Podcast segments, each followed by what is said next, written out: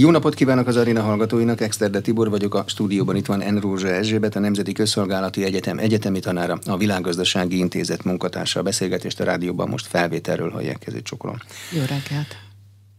Több hír is érkezett Iránnal kapcsolatban az elmúlt napokban. Az egyik az, hogy Oroszországnak ad el drónokat, hogy ezt az ukrajnai háborúban tudják használni. A második, hogy egy belső hatalmi harc kiéleződése van folyamatban. A harmadik az, hogy európai közgazdászok szerint be kéne vonni az európai gázellátásba, jól lehet évtizedek óta szankciók alatt áll. A negyedik pedig mindig jön, hogy mi van az iráni atomfegyverrel. Miért annyira érdekes a tőlünk távol eső Irán, hogy minden hírre így fölkapjuk a fejünket? Én azt gondolom, hogy ennek az egyik oka az, hogy Irán immár évtizedek óta egy nagyon komplex, nagyon sok elemből, nagyon sok téma miatt meghozott szankciók tárgya, és ez tulajdonképpen azt jelenti, hogy ha belegondolunk gazdaság szempontból, hogy a világnak a kettő közül az egyetlen olyan helye, ahol nem tud megjelenni a külföldi befektetés, a tőke, a kereskedelem, a gazdasági haszon, holott Irán a világ negyedik legnagyobb ismert kőolajkészletén ül, és a második, harmadik legnagyobb gázkészletén. És ezt ugye innentől kezdve már nem is nagyon kell magyarázni. Ez eddig is nagyon jelentős volt, de az orosz-ukrán háború kapcsán ez még inkább felértékelődött. Másik meg Észak-Korea. Ha jól a másik Észak-Korea, így van. Csak Irán sokkal nagyobb, mint Észak-Korea. Tehát Irán népessége most tart olyan 85 milliónál tehát ez egy létszámában jóval nagyobb ország. Ráadásul Irán, hát, hogy mondjam, Észak-Koreát nem nehéz kikerülni földrajzilag, hogyha valaki valamit szállítani akar, vagy közlekedni akar. Iránt nem lehet kikerülni. Sem a szárazföldi úton, sem a tengeri úton.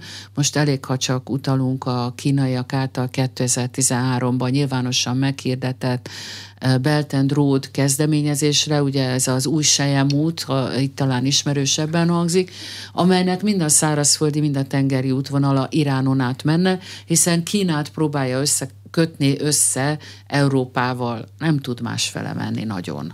Jól el van Irán a szankciók ellenére? Vagy nincs jól Irán?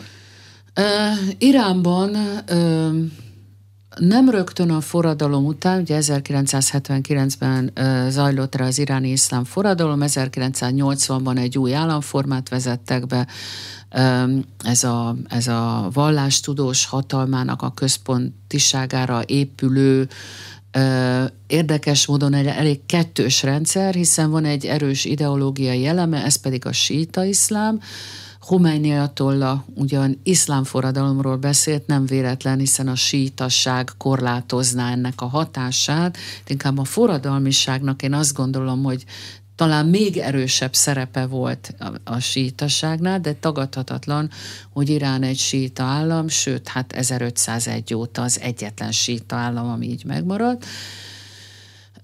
Tehát a, a forradalom, forradalom óta Irán szankciókban van, és szankciók célpontja, úgyhogy egyfajta ellenállás, sőt ezt azután meg is hirdették, ez már a 2000-es években volt, Ali Khamenei ajatolla hirdette meg a, a resistance economy, az ellenállási gazdaságnak a témáját, és ez pedig, ez pedig egyfajta, hát szerintem mi még emlékszünk a szocialista időszakra, amikor mi magunk is meg tudunk állni, bár ugye a szocialista tábor ez egy tábor, önellátás, stb. De ez, ez azért nem szokott sikerülni teljesen. De ez olyan, mint amikor a kínaiak népi kohókat csináltak? Azért nagyon sok idő eltelt már azóta, és mindent maguk állítanak elő, vagy azért van kereskedelem, csak nem feltétlenül nem, hát látjuk. Ugye ez a szankciós rendszer, ami, ami, Irán, ami Iránnal szemben kiépült évtizedek alatt, ez ugye nem egyik napról a másikra, nem mindig mindenki vett benne részt. Itt talán a szankciókról annyit érdemes elmondani, hogy Iránnal szemben vannak az ENSZ biztonsági tanácsa által hozott, azaz az ENSZ tagjaira nézve vonatkozó kötelező szankciók ezeknek a feloldása irányába volt egy lépés a 2015-ös nukleáris megállapodás. De önmagában ezek a szankciók csak a nukleáris tematikában voltak, és ez az ENSZ BT szankciói voltak, emellett voltak államok, egyébként az Európai Unió is, ami ugye nem állam így önmagában, is hoztak plusz egyoldalú szankciókat. De Iránnal szemben a forradalom óta időben voltak banki szankciók, terrorizmus támogatása szankciók, emberjogi szankciók. Leginkább mégis azonban az iráni nukleáris program mellett két olyan esetet, két olyan témát szoktak emlegetni, ami miatt Iránt ugye fenyegetésként észlelik sokan a térségben és a térségen kívülről is. Az egyik az iráni rakétaprogram, a másik pedig Iránnak a közelkeleti térségben folytatott politikája.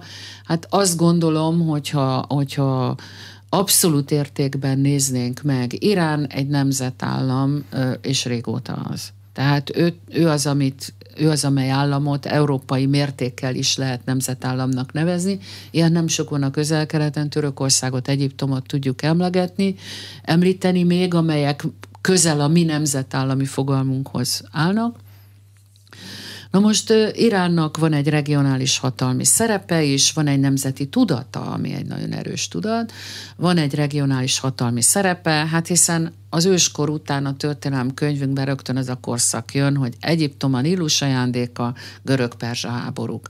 Tehát igazából Irán a történelem folyamán mindig is ott volt, mikor, hogy, de, de tényező. Egyszerűen ennek az egyik oka nyilván a földrajzi fekvése, a másik oka, mondom, ez az elég erős különleges identitás elemei, hiszen az, hogy a sítasság államvallásként megmaradt, és a mai lakosságnak több mint 90% a síta, az irániság maga, ami olyan elemekkel van jelen a fejekben ma is, amit itt Európában, mi amikor a nacionalizmus kezd jönni, őstörténet, megírása. Iránban a 11. században egy teljesen arabizált nyelvű környezetben jött egy ember, Ferdószi, aki megírta több tízezer párversben, csak perzsa nyelven az iráni őstörténetet.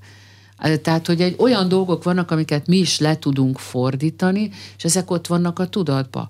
Kimegy az ember az országba, elkezd járni, kelni, beleütközik óhatatlanul, most pozitív értelemben mondom, olyan, olyan műemlékekbe, olyan emléksorozatokba, amik azt mutatják, hogy de hát itt már több ezer éves civilizáció és jelenlét, államiság, szervezett államiság, aminek már az ókorban tehát amikor mi elkezdünk tanulni ugye Dareiosról és Xerxészről, akkor az akkori iráni állam az már olyan szervezet volt, hogy három hierarchikus szervezetből épült fel, a vallási hierarchia, az állami adminisztráció, ne felejtsük el az adószedést, az nagyon komoly, és a hadsereg hierarchiája, és mindezek tetején ült a Shahin Shah, az uralkodók uralkodója, a királyok királya.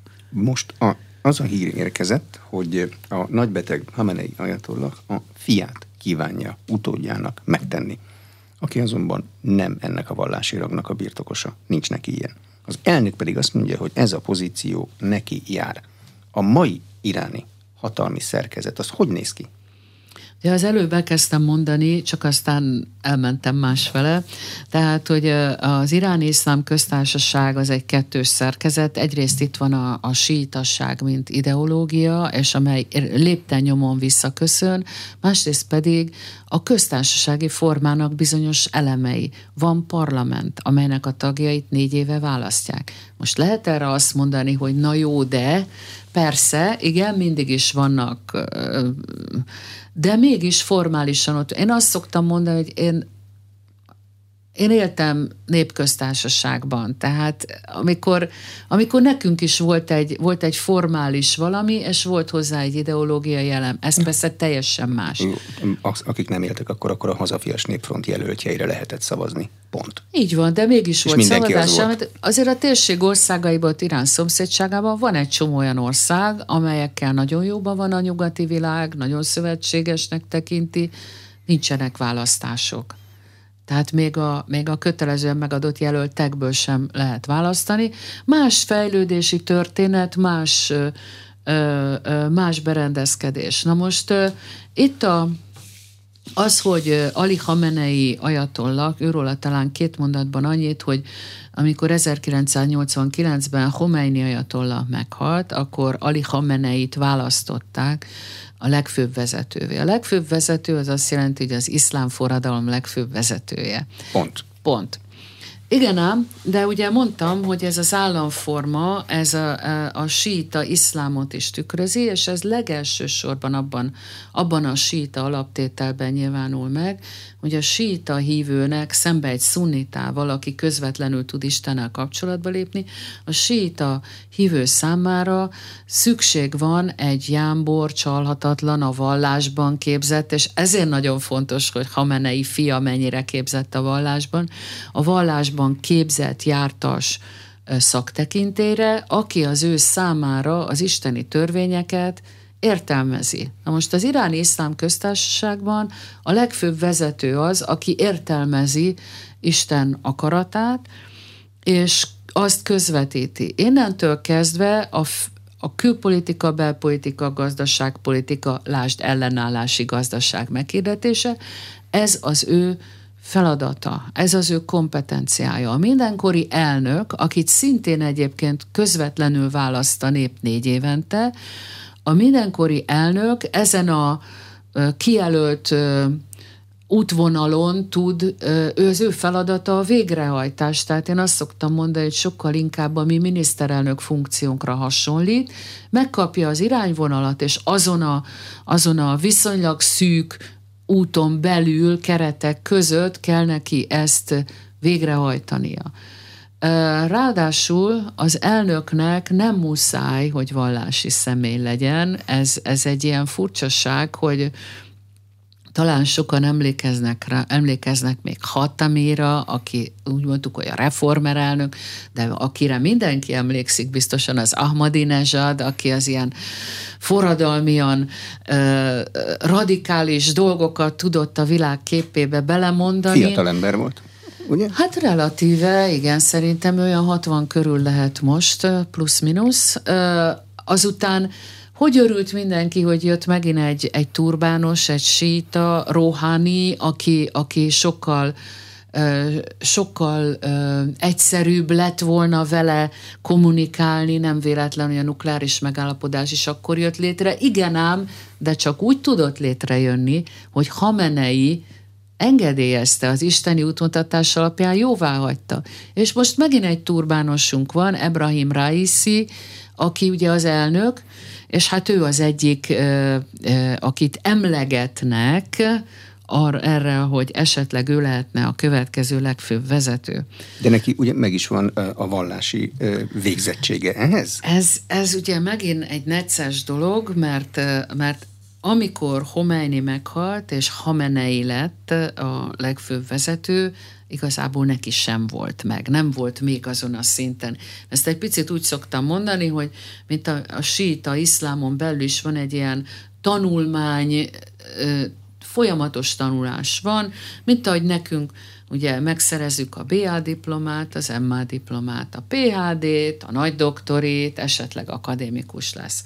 Na most ez nyilván a hasonlat nem teljesen így van, de a vallás tudományban, a vallástudományok tanulásában el kell jutni fokról fokra, és Hamenei nem volt még ott.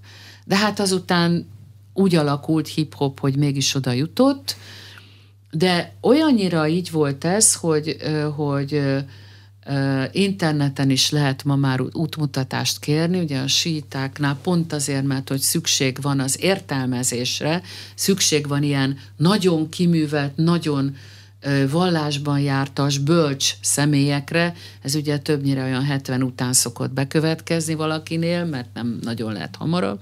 Vannak kivételek, Homeini ajatollak például ezt korábban elérte, de manapság az internet világában interneten is kérhet a hívő véleményt, és egyszer valaki megkérdezte, hogy jó, de hát én honnan tudom, hogy kinek a véleményét fogadja, mert ugye Ayatullah, Isten jele, szó szerint a névnek a fordítása, vagy Marjának, ugye a forrásnak szokták nevezni, hogy akihez fordulhatok értelmezését, ez nem egy van.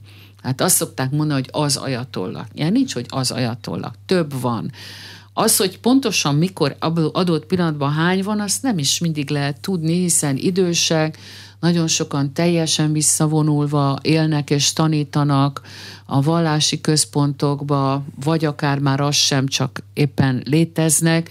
Tehát nem mindig lehet tudni, és valaki kért egyszer egy ilyen véleményt, hogy jó, de hát én melyik ajatollak véleményét kövessem, szabad választásom. És akkor erre az volt a válasz, hogy hát ha politikai jellegű a kérdés, akkor Hamenei ajatollahra kell figyelni.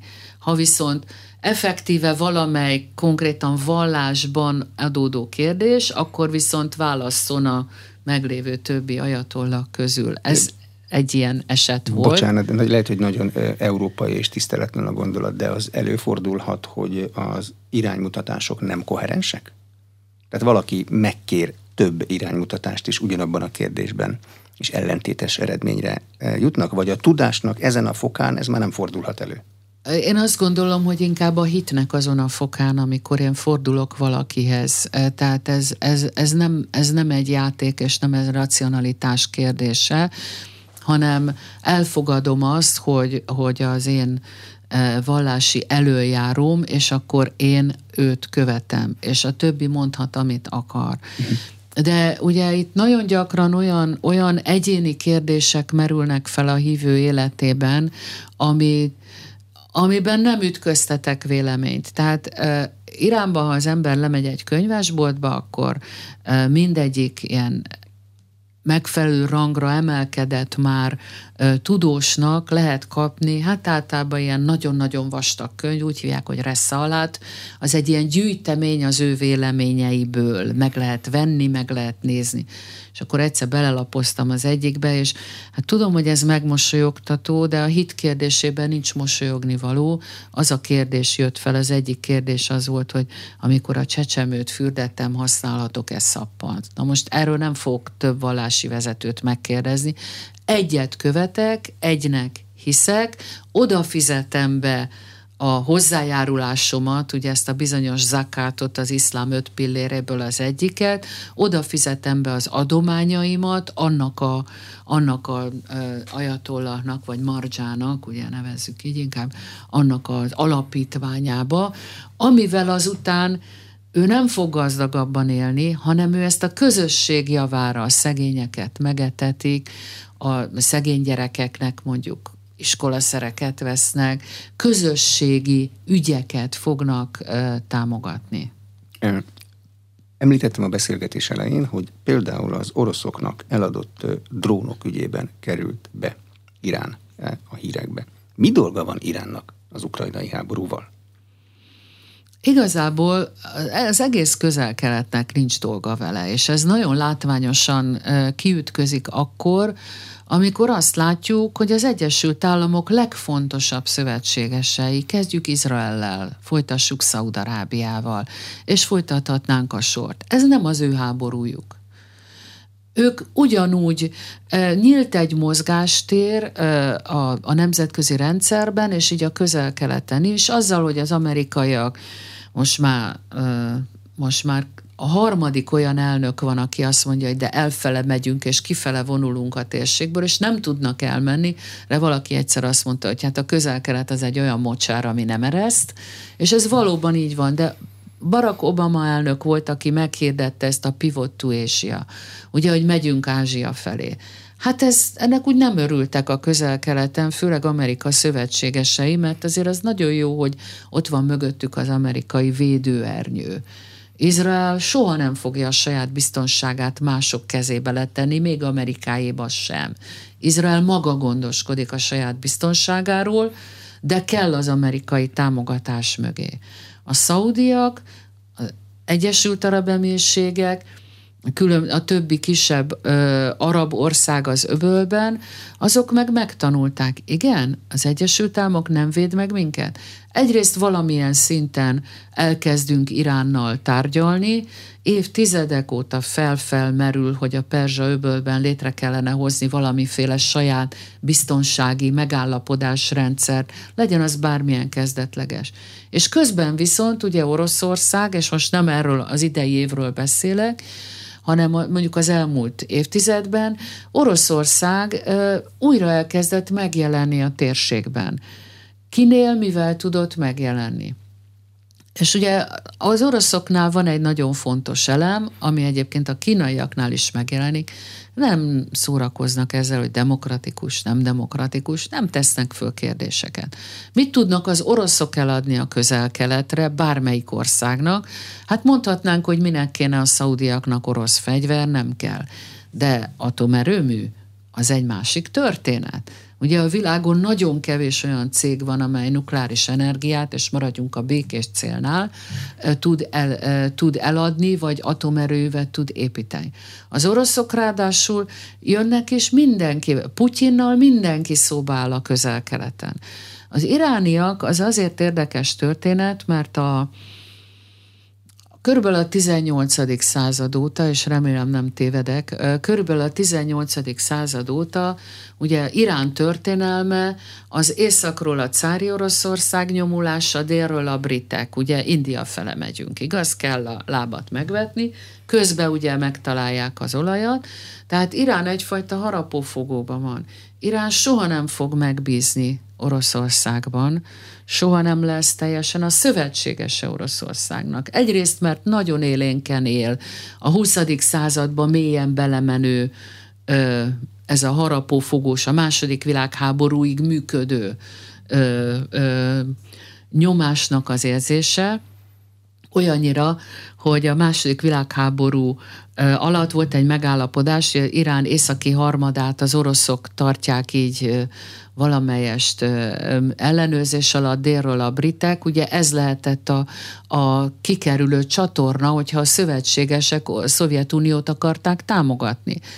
És az volt a megállapodás, hogy majd a háború végén mindenki kivonja a katonáit. Hát a Szovjetunió elfelejtette kivonni a katonáit, és ott igazából egy, egy kicsit ilyen megmosolyogtató történetről is szó, szó esett, hogy hogy hát nyom, le is nyomtak egy megállapodást az irániak torkán. Az irániak azt mondták, hogy ha kivonulnak, akkor cserébe hozzáférést kapnak az ottani olajgázkészletekhez. Az orosz, a Szovjetunió kivonult, és sajnos az akkori iráni parlament nem ratifikálta a megállapodást. Úgyhogy egy-egy. Hát egy-egy, de azt, azt akarom csak mondani, hogy Oroszországban önmagában az irániak nagyon nem bíznak, és van még egy elem, ami egy nagyon-nagyon modern elem, ez pedig az, hogy pontosan tudják, egyébként nem csak Oroszország, hanem Kína irányában is, hogyha ne adj Isten, és tudom, hogy most nem úgy áll a világpolitikai képlet, de ha ne adj Isten, most megint elkezdenének közeledni Amerika és az oroszok, vagy Amerika és a kínaiak, abban a pillanatban hátrahagynák Iránt magára hagynák. És ez nagyon erősen benne van az iráni politikai tervezésben. Na most, amit tehát akkor most megteremti azt, Együttműködés? Persze, hát miért ne? Különösen ugye a szankciók tükrében, az ugye a kettő volt, hát ez mindenkit meglepett, hogy drónokat, Irán szállítson drónokat Oroszországba. Utána jött, jöttek ilyen hírek, hogy az első azóta nem néztem, de hogy egy adag drónt biztos, hogy leszállítottak, és ezeket kezdték kipróbálni, de igazából volt, ami egyáltalán nem működött. Itt három vagy négy típusról is szó van, tehát nem csak egyről. Volt, ami egyáltalán nem működött, a másik pedig az, hogy ezeket az iráni drónokat olyan, nem erre a harci helyzetre fejlesztették ki, nem ilyen földrajzi környezetre sem. Ezeket arra fejlesztették ki, hogy mondjuk a Hezbollah tudjon Izrael ellen, Izrael ellen valami csapást mérni. Nagyjából mindegy, hogy hova csak izraeli területre hát, menjen. Igen. Egyébként az irániak nem rosszak, szóval az igazság, hogy már, már azt is tudjuk, ezt a szaudiak tudják a legjobban. Ha egy iráni drón el akar érni valamit, az el is éri. Na, de valahogy ebbe az orosz-ukrán helyzetben, amikor messze a harcvonal mögé kellett volna, valami valahogy nem működtek. Én műszakilag ez mhm. egyáltalán nem értek, tehát ezt nem tudom megválaszolni, csak az, hogy maradjunk abban, hogy nem sikerült tökéletesre ez a, ez a történet, ettől még valószínűleg megy tovább. De a másik, ami, amire viszont érdekes, kicsit úgy felkaptam a fejemet, hogy több forrás is azt írja, hogy Amit most az irániak próbálnak átadni Oroszországnak, az a szankció elkerülési tapasztalat. Hát azért Iránnak ebben van 40 éve, ugye ezzel kezdtük a beszélgetést, hogy ilyen szankció, olyan szankció, amolyan, mi az, amit ki lehet kerülni, mi az, amit nem lehet kikerülni, és azért legyünk őszinték, amíg nem voltak az NSPT kötelező szankciói, illetve azok az amerikai másodlagos szankciók, amiket Donald Trump elkezdett betartatni, Hát addig Iránba azért mindent lehetett kapni, csak nem volt mindegy, hogy hogyan, mennyi idő alatt, milyen áron, de nyitva volt a viszonylag, viszonylag azért működtek a dolgok. Hát befektetés nem tudott bejönni a, az energiaszektorba, ez nyilván egy borzasztó nehéz dolog, tehát hiába van Iránba ott az olaj, meg hiába van ott a gáz, ha nem jöhet a befektető, aki, aki finanszírozzon, aki Meg befektessen. a technológiát. Technológiát. Egy teljesen konkrét példa, egy néhány évvel ezelőtt egy indiai cég kezdte el egy indiai bank támogatásával a Perzsa öbölben az iráni, uh, iráni uh, állami szuverenitás alá eső szektorban egy gázmezőt elkezdett kifejle, kidolgozni, vagy kiépíteni, és és azután, amikor jöttek az NSBT kötelező szankciói, és Trump elkezdte betartatni ezeket, meg az amerikai szankciókat, akkor az indusoknak a, a éves költs, állami költségvetéséből eltűnt ez a tétel. Mm. Vissza egy picit magába Iránba. Ki a fegyveres erők legfőbb parancsnoka Iránba? Itt két fegyveres erőről szoktunk hallani, az egyik a forradalmi gárda, a másik meg egy másik fegyveres erő. És ezek most, mint hogyha egymással szemben állónak látszanának, ha valóban van viszály Iránban. Hát ez a kettő nem csak most áll egymással szembe, ugye két dolgot kell észbe tartani. A hagyományos hadsereg, az ártes, azt, amikor az iszlám forradalom győzött, akkor azt kvázi lefejezték hiszen a katonasság volt az, amely az utolsó pillanatig állt a sa mellett. Reza Pahlavi. Reza, Mohamed, Mohamed Reza Mohamed Pahlavi, mert ugye az apukája volt a Reza Pahlavi, tehát ő a Mohamed Reza Pahlavi, tehát a hadsereg tartott ki legtovább, miközben egy nagyon komoly társadalmi összefogás, és azt mondhatjuk, hogy az iráni társadalom teljes egésze, minden rétege összefogott a sahrendszerével szemben. A hadsereg volt az, amely amely utolsó pillanatig, vagy legalábbis a hadsereg vezetése kitartott a sah mellett. Na most ebből az következett, hogy amikor lezajlott a forradalom, hát nyilván a megbízhatatlan elemektől meg kellett szabadulni. Megint csak mondom, én nem, én nem tudom nem látni a párhuzamokat a, a más, mondjuk akár a mi térségünk korábbi történelmével kapcsolatban. Tehát le kellett fejezni a hadsereget, nem voltak vezetők, nem voltak kiképzett parancsnokok, nem voltak kiképzett katonák, újra kellett az egészet szervezni, és ez óhatatlanul háttérbe szorult. Ez volt az egyik elem. A másik elem, hát sokáig tartott. A másik elem pedig, hogy közben, ugye ez volt 79-ben, ott van lefejezve az iráni hadsereg, nincs iráni hadsereg, vagy működőképes iráni hadsereg, és 1980-ban Saddam Hussein lerohanta Iránt, és kezdetét vette a nyolc éves háború. Ebben a nyolc éves háborúban az irániak elkezdték védeni a hazájukat. És ezekből a nem kiképzett katonákból szerveződött az iszlám gárda, ugye az iszlám köztársaságot védjük, és ebből szerveződött meg ez a bizonyos iszlám gárda, amely nagyon-nagyon érdekes, és általában azt szoktuk mondani, hogy ez a, hogy mondjam, mára ez egy vérprofi szervezet, vagy ennek bizonyos részei. Nem véletlen, hogy, hogy nagyon sok hadipari kutatás ő hozzájuk tartozik, ők finanszíroznak bizonyos részlegei a fegyvereknek, fegyvernemeknek, ő hozzájuk tartozik. Amennyire innen lehet tudni, a nukleáris programmal is szorosan összefonódtak. Szeretném itt is elmondani, hogy egyelőre nincsen iráni nukleáris fegyver, és ebben a pillanatban még mindig hatályos Hamenei ajatollaknak a fatvája, azaz mindenkire kötelező állítása, hogy az iszlám köztársaságban tilos nukleáris fegyverek előállítása, felhalmozása, használata. Bocsánat, a fatva, ez mindenkire vonatkozik, vagy ez olyan, mint a nyugati politikusoknak a kettős beszéde. Nem, hogy ez, ez, ez nekünk szól, azt gondoljuk, hogy a fatva az egy, Egy- nagyon komoly dolog, és akkor mi ezt nagyon komolyan veszük, de egyébként a hadi érdek az első, és azért a fű alatt hát, fejlesztik. Azért, ha nem vennénk, ha azt mondjuk, hogy a fatva, hogy, hogy mi szerintünk a fatva nem komoly dolog, akkor miért is hör, hörögött itt az egész világ a Salman Rushdie-val szembeni fatva kapcsán? Na most döntsük Tehát már el, hogy dolog. komolyan vesszük, valaki- vagy nem vesszük komolyan. Tehát ez, ez, ez egy nagyon komoly dolog, mindenkire van. Ha azt mondják, hogy Iránban már pedig tilos, akkor semmi, egy iráni se fog nekiállni eh, nukleáris fegyvert fejleszteni. Ezt így kell érteni? Én azt gondolom, nem, én, én azt gondolom, hogy ez mindenkire nézve kötelező.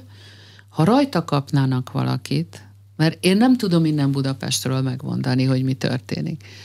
De ha rajta kapnának valakit, az olyan szintű presztízs, veszteség, csapás lenne a legfőbb vezér és az iszlám, a legfőbb vezető és az iszlám köztársaság pozíciójának, amit nem engedhet meg magának. Tehát lehet azzal, ugye ön is valamikor az előbb kérdezte, csak az a, ugye amikor értelmezést kérünk, hogy kérhetünk-e többször, és mi van. Ugye azt lehet mondani ezzel, ami nagyon nyugati, nagyon azt hiszük, hogy szuper jól meglátjuk és racionálisan látjuk, hogy hogy van az, hogy a Koránban benne van az is, hogy, hogy ölj meg minden hitetlent, meg benne van az is, hogy a Korán a békevallása és békésen győz meg embereket, és hát egyszerűen úgy, hogy az isteni kinyilatkoztatásokat Mohamed ha, kb. 30 éven keresztül kapta, az adott helyzetre vonatkozóan jöttek az isteni bölcsességek. Na most én egy picit így látom itt is, és remélem, hogy senki nem veszi nagyon rossz néven, egy picit így látom itt is, hogy Hamenei ajatolla számtalanszor elmondta, hogy ő nem bízik a nyugatban, nem bízik az amerikai elnökökben, nem bízik, nem bízik, de úgy értelmezi, hogy a nukleáris tárgyalásokat folytatni kell. Mégpedig ugye hát azok pedig egyértelműen az iráni nukleáris programra raktak fékeket, és hát legyünk őszinték, 2015-ben az iráni nukleáris program az jóval, keve, jóval kevésbé volt fejlett, mint ma, de ez nem jelenti azt, hogy ma most akkor azt mondanák, hogy ó, holnapra kéne egy atombomba, akkor csinálunk holnapra egy atombombát, a, a nyilván a, a előállítás ideje lerövidülne, de a nagyon nagy kérdés, hogy addig, amíg nincsen döntés, olyan nincs, hogy most a, a gyárba azt gondolja Ahmed és Hossein, hogy most csinálunk egy atombombát. Tehát döntéskérdés, politikai döntéskérdés, ez pont tudjuk egyébként a világon mindenütt, tehát az, hogy, az, hogy fegyverkezünk, vagy nem fegyverkezünk, hadsereget építünk, vagy nem építünk hadsereget, ezt még csak nem is a hadsereg fogja eldönteni, hanem ez egy politikai kérdés. Na most Iránban is így van. Egyelőre a fatva van érvényben, Egyelőre minden iráni vezető egybehangzóan azt mondja, hogy nincsen fegyver irányú nukleáris program. A dolognak ugye ott van a, a nehézsége, hogy, hogy gyakorlatilag a technológia sor, ami a civil felhasználásra tesz minket képessé, vagy tovább léphető onnan a fegyver irányába, át lehet lépni a, úgy szokták hívni, hogy nuclear threshold, ugye a nukleáris küszöböt, az nagyon-nagyon sokban egyezik, vagy nagyon hasonló, ugye ez megint ez már egy atomfizikus kéne bővebben, de, de pont ebben, a, ebben van a veszélye. Én viszont azt gondolom, hogy amíg Hamenei fatvája hatályban van, nem vonja vissza, vagy ha meghal, utána nem tudjuk, mi lesz. Ugye itt a Rosdi fatva kapcsán láttuk, hogy elindult a vita. Meddig érvényes a fatva? Amíg él az, aki kimondta? Ha meghalt, akkor már nem érvényes? Hát lehet, hogy nem érvényes, de ha támad egy, de ha van egy másik vallásban erre följogosított személy, aki azt mondja, hogy már pedig ez érvényes, akkor onnantól megint érvényes. Tehát ezek nagyon, nagyon nehéz kérdések, és nyilván nem tudjuk innen megítélni, de a fatva a nagy tömegek számára hatályos. Az egy másik kérdés, hogy Irán határain túl érvényes-e, hiszen, mint mondtam, ugye, de az irániak számára Hamenei fatvája hatályos. A iráni haderő szerkezetétől kanyarítottam el a beszélgetést, Igen. hogy a forradalmi gárdát kiirányítja, meg kiirányítja. A másik a reguláris hadsereg? A másik, a, a, másik a reguláris ez? hadsereg, ez egy elég bonyolult helyzet, már a gyakorlatilag földön, vízen, levegőben, ugye ne felejtsük el, hogy Irán tengerparti ország, és nem csak a Perzsa-öbölről beszélek, hanem Iránnak még majdnem ugyanakkor a tengerpartja van a Hormuzi szoroson kívül, ez az Arab-tenger-Indiai óceán, ugye Pakisztán felé, tehát Irán, Iránnak tengerészete is van és kell, hogy legyen. Az egy érdekes munkamegosztás, hogy ki mivel foglalkozik. Most, ha nagyon nagy általánosításba, és, és ennél olyan nem biztos, hogy szeretnék mélyebbre menni, mert valószínűleg kevés ez a tudásom, de ha nagyon nagy általánosításba akarnám mondani, akkor azt mondanám, hogy a, a hagyományos szárazföldi erők és tengeri erők, és ők, ők vannak általában a nemzetközi feladatokkal megbízva, persze erre rögtön mindjárt mond nekem egy ellenpéldát, és, a, és az iszlámgárda pedig a Perzsa-öbölben, tengerészetben például a Perzsa-öbölön belüli, tehát amikor megállítanak egy olajszállító hajót vagy valamit, azt nem a hagyományos tengerészet csinálja, hanem azt az iszlámgárda csinálja. De vannak közösen működtetett kikötők, az egyik fele ide tartozik, másik fele oda. Amennyire én tudom, ez valószínűleg a légierőben is leképeződik, ez a kettőség, és a szárazföldi erőkben is. Az iszlámgárdának az egyik fő feladata egyébként az is volt, hogy a, a, a, a Basidzsal, a miliciákkal, az iszlám miliciákkal együtt a belső rendet fenntartsa, és a honvédelemben részt vegyen, hiszen pont a, az irakiak, amikor lerohanták iránt, pont ebben egy ilyen önkéntes sereg, és, és ugye azért van, hogy iszlámgárda, mert akik önfeláldozásra is képesek. De amikor az irakiak elaknásítottak egy nagy területet, mert kellett visszavonulniuk, mert jöttek az irániak, az iránia önkéntesek mentek rá, hogy ők fölrobbantják magukat, ugye az aknákat, és akkor tud jönni a hadsereg. Igen ám, de ugye az iszlám gárdát manapság a Irán közel-keleti politikájával kapcsolatban szokták emlegetni, ugye Szulejmani tábornoknak a likvidálásával, amikor ugye... Az iszlám gárda vezetőit szokta támadás érni. Izrael az iszlám, részéről. iszlámgár, hát meg a atomtudósokat, de itt Szolejmani volt a, a jelkép, vagy a, a szimbolikusan is. Ő ugye nem a teljes iszlámgárdánk a vezetője volt, hanem ennek az Al-Quds alakulatnak, ez egy elit alakulat volt a vezetője, és, és az volt az érdekes, hogy ő Iránon belül nem is nagyon tevékenykedett, tehát ő egy, ő egy elég furcsa dolgot csinált, teremtett egy olyan kapcsolati hálót, ami országhatáron kívül iráni érdekekkel, ha egybeesett a dolog, akkor működött. Tehát, Tehát ma, kvázi azt jelenti, egy ilyen... Magyarán, külföldi, Iránon kívüli akciók megszervezésében hát, vett részt?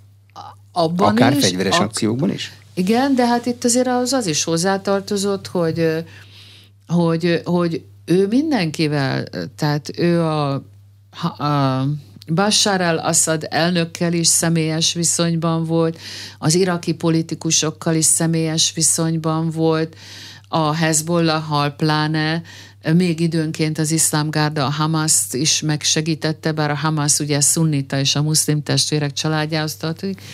Tehát, hogy, hogy itt, itt egyfajta, valaki úgy fogalmazott egy konferencián, hogy egyfajta ilyen síta, transnacionális hadsereget szerveztek meg.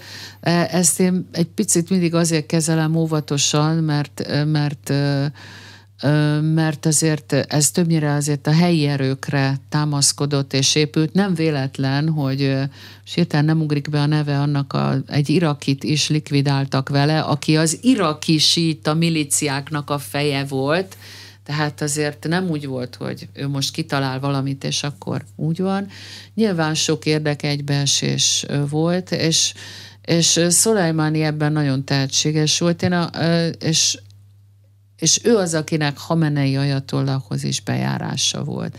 Tehát őt Iránon belül kevéssé ismerték, olyan szempontból, hogy Iránon belül nem dolgozott, hanem Irán védelme, tehát ez, az irániak ezt úgy mondják, ezt most vagy elisszük, vagy nem, de úgy mondják, hogy hát hiszen őket minden oldalról mindenki fenyegeti. Ezt mondjuk értjük, mert ez így van már ugye már az iraki, 2003-as iraki háborúban is az irániaknak az volt a véleménye, hogy az igazi célpont mi vagyunk, és ha körülnéztek, minden országban körülöttük amerikai és nyugati támaszpontok voltak, tehát mondjuk nem volt teljesen ö, rossz a, vagy hibás a feltételezés, de ez náluk ennél nagyon erősen jelen volt, és éppen ezért ők próbáltak, ők azt mondják, hogy ez a védekezésnek egy módja. Most ez, ez vagy jó, vagy nem jó, nyilván sokaknak nem jó, de, de akkor is megpróbáltak védekezni, és szerintem ez egy olyan új eszköz volt, amit még korábban úgy nem nagyon próbált senki. És nem tudom, hogy ez Szolejmáni halálával fenntartható-e. Én gyanítom, hogy inkább nem, de ezt nem szeretném nagyon hangsúlyozni. Ha valóban van eh, személyi ellentét az iráni elnök eh, és a eh, nagybeteg ajatolla között, és ez valamikor valamilyen irányba eldől, akkor Irán politikája ettől változik-e, vagy az marad? Nincs személyi ellentét. Nincs? Nincs személyi ellentét, mert az elnököt megválasztják a választók közvetlen szavazással, közvetlen, igen, választásokon. Nem indulhat mindenki, tehát meg, meg kell felelni az alkotmányban foglalt feltételeknek, de még így is túl sokan meg szoktak jelenni. Ugye nagy vita van például arról, hogy egy nő lehet-e iráni elnök, ez időről időre előkerül, legutóbb már komoly vita volt, mert hogy igazából az alkotmány nem zárja ki kifejezetten, egy arab szót használ, rijal, ami arabul férfiakat jelent, de hát itt sokan azt mondják, hogy igen, de, de a perzsában ez jelenthet tekintélyes személyiséget is, tehát elveszti a, hogy mondjam, a nemi vonatkozását. Erről megy a vita. Iránban a nők nagyon komolyan részt vesznek, vagy részt vehetnek a politizálásba, akkor is, hogyha bizonyos korlátok időről időre megjelölnek. Tehát Nyilván nem mindenki fog, indulhat az elnök választáson, de az elindult jelöltek közül, akit megválasztanak, azt végül is a legfőbb vezető fogadja, és kvázi nevezi ki. És ő hát, mondja meg az irányt, mint legfőbb és vallási további, vezető, tehát a politikai igen, irány és igen, az ő feladata. Tehát én, én olyan helyzetet nem tudok elképzelni Iránban, hogy, a, hogy az elnök szembe menne a, a, a legfőbb vezetővel, ezt Rohaniék sem tették, tehát Rohani és, és Javad Zarif, az ő külügyminisztere számtalan beszédbe elmondta, hogy, hogy megköszönve ezt, mert ez, ez annak köszönhetőek ezek az eredmények, hogy a legfőbb vezetőből csútmutatása, és a többi, és a többi. Tehát ez, ez így volt. Itt igazából nem a, hogy mondjam, a funkciók között nincsen vita. Igazából máshol van a vita, Ugye az első kérdés az lesz, hogy az iráni kollégáimat mindig kérdezem, de meg kell, hogy mondjam, hogy 92 óta többször, elég sokszor jártam Iránba, hál' Istennek. Az egyik bulvár téma, nagyon hülye hangzik, tudom, amiről mindenki beszél, hogy hát Hamenei mennyire beteg.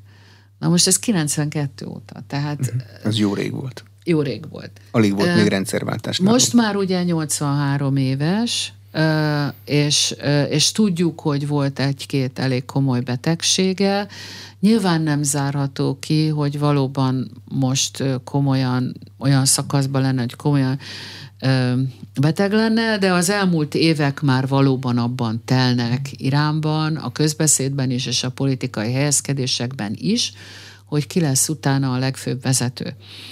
Na most igazából két nevet emlegetnek, az egyik Hameneinek a, azt hiszem második fia, Mocstaba Hamenei, aki a köz számára olyan nagyon nem látható. Ő vezeti a legfőbb vezető irodáját. Tehát a legfőbb vezető az azt tud bemenni, aki ő rajta az ő irodáján át. Mint egy kabinetfőnök. A legfontosabb ember a Tulajdonképpen igen.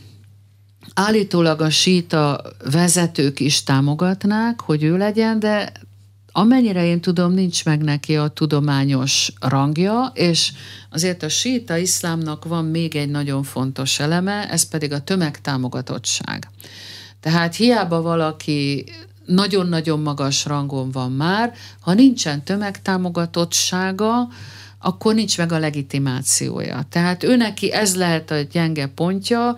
Kérdés, hogy az, a, az iszlám gárdával hogy viszonyul, de amennyire én gondolom, vagy amennyi, hát mit tudom, én nem tudom, ez, ezzel nem feltétlenül lenne probléma. A másik jelölt a jelenlegi elnök, Ebrahim Raisi, akinek meg lenne hozzá a, hát vallásilag, vagy közel járna vallásilag ahhoz a pozícióhoz, nincs meg teljesen, de közel járna. Igen ám, amikor őt elnökké választották, ugye bő egy évvel ezelőtt, akkor, akkor az volt a mondás, hogy hát, hogy ez egy lépcső ahhoz, hogy majd ő legyen a legfőbb vezet, következő legfőbb vezető. Azt is mondja, Na, de hogy az ez neki jár. Hát a nyugati fordításokban. Hát én nem tudom, hogy ő mit mondott, én ezt speciál nem láttam, de viszont Mára azt mondják, hogy Raisinek gyakorlatilag nincs esélye, és pedig azért nem, mert nézzük meg, hogy egy év elnöksége alatt hova ment az, is, az iráni gazdaság, nézzük meg, hogy hova mentek Irán kapcsolatai a külfölddel, tehát hogy ő tulajdonképpen elhasználta annak a politikai tőkének egy jelentős részét, ami mögötte állhatna.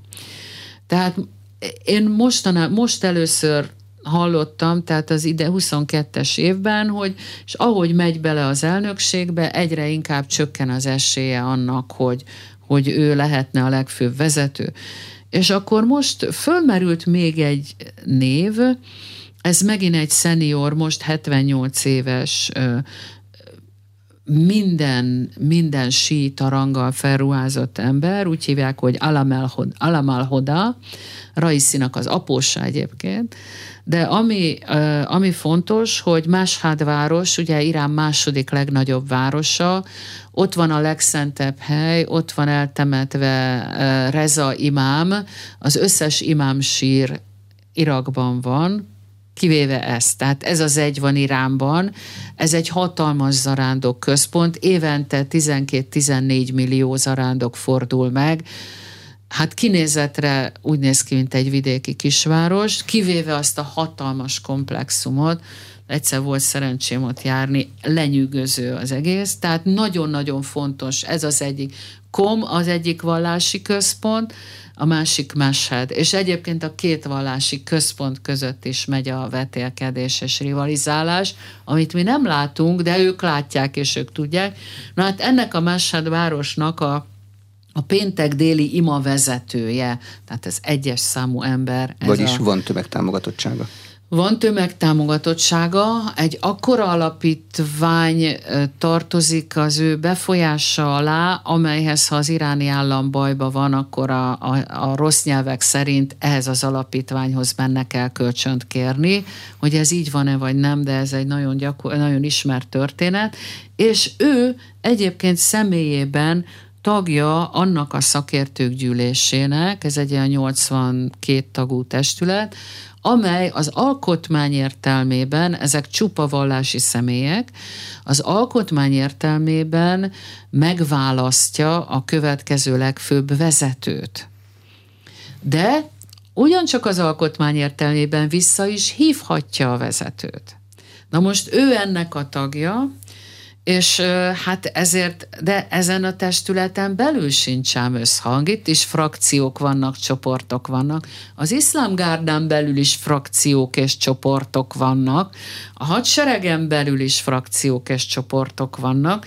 Úgyhogy igazából egy nagyon, nagyon, nagyon bonyolult, bonyolult rendszer ez, és annál is nehezebb, hogy egy részét nem látjuk, nem átlátható, miközben az alkotmány sok mindent megmond nekünk, a közben egy része nem látható annak, hogy hogyan is történik majd a, a kijelölés. És iráni kollégáim azt mondják, hogy az első mérvadó az, hogy Hamenei nevez-e meg utódot, akkor a szakértők gyűlésének meg kell szavazni, hát gondolom meg fogja szavazni, ugye ez még a Hamenei utolsó kívánságának vagy utasításának megfelelően gondolom megszavazza, de Szintén az alkotmány értelmében az is benne van a pakliban, és éppen ma reggel egy olyan cikket olvastam, ami azt, mondta, azt mondja, hogy hát ez esélyes lehet megoldásra, hogy nem csak egy személy lehet a legfőbb vezető, hanem adott esetben egy én úgy tudtam, hogy három tagú testület, de most ez a forrás, amit azt olvastam, azt mondta, hogy nincs megszabva azoknak a száma, akik, tehát hogy, hogy egyfajta testület is állhat a legfőbb vezető élén. Olyanokra is kell gondolni egyébként, olyan megfontolásokra is, hogy ha most egy nagyon fiatal embert választanak, mondjuk Raiszit, az ő még 40-50 évig, 40 évig velünk lehet. Ha egy idősebbet választanak, akkor hát majd meglátjuk, hogy mi történik, ugye viszonylag átmeneti időre. És ne felejtsük el, hogy a, a vallási szférában is vannak nagyon komoly nevek, akik az utóbbi időben valahogy úgy eltűntek, el lettek tüntetve.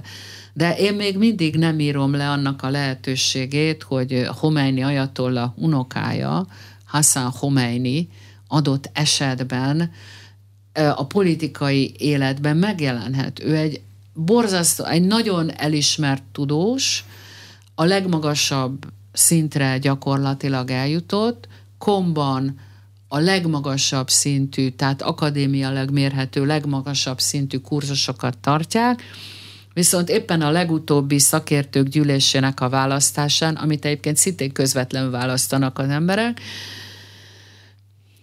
nem felelt meg annak, hogy ő jelölt lehessen, és így azután nem ment el arra az előírt vizsgára, amin át kell esni, hogy alkalmas-e, Hát nem kapta meg a behívót, ez a posta, mindig a postával van. Az ókorban nem volt vele baj, de most pont. Utolsó kérdésem, bocsánat, eh, nagyon föltez de talán eh, egyszerűbb. Kaphat-e Európa iráni gázt, meg olajat?